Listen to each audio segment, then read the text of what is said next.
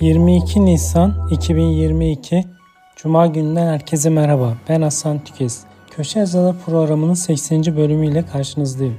21 Nisan 2022 tarihli köşe yazıları. Akif Akarca, Mehmet Şafak. Demir çelik ürünlerinin teslimine KDV tevkifatı geldi. Ali Şerbetçi, eşi vefat eden çift maaş alır. Bumin, doğru söz. Kurum kazançlarının beyanında tartışmalı konular. Cem Kılıç, iki yeni programla istihdama müjde.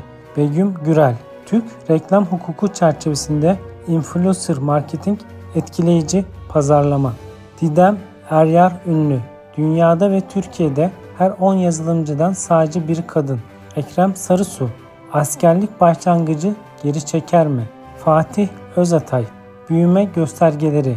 Fatoş Karahasan, Kobiler ihracat stratejisini oluştururken nelere dikkat etmeli? Faruk Taşyürek, 41 Seyrinoğlu KDV genel tebliğ ile neler değişti? Ferit Taş, menkul satış sözleşmelerinde TL ödeme zorunlu. Fırat İnsel, ara buluculukta vergilendirme.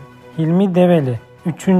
İzmir Kobiler ve Bilişim Kongresi'nden. Mehmet Erciyaz, askerlik nedeniyle iş sözleşmenin fesi ve askerden dönen işçinin hakları. Noyan Doğan, doktorlar tazminat korkusundan ameliyata giremez oldu. Ozan Bingöl, yemek istisnası tutarı acilen artırılmalı. Günün koşullarına uygun hale getirilmeli. Resul Kurt, kimlere dul yetim aylığı bağlanır?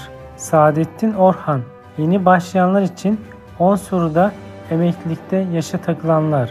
Suha Onay, Kobiler için dijitalleşmenin ve bulut teknolojisi kullanmanın önemi. Süleyman Can, 7338 sayılı kanunun 38. maddesi ile VUK 339. maddesinde yapılan değişiklikler. Yılmaz Sezer, ihracatçı, Ukrayna pazarında alacaklarının telaşına düştü.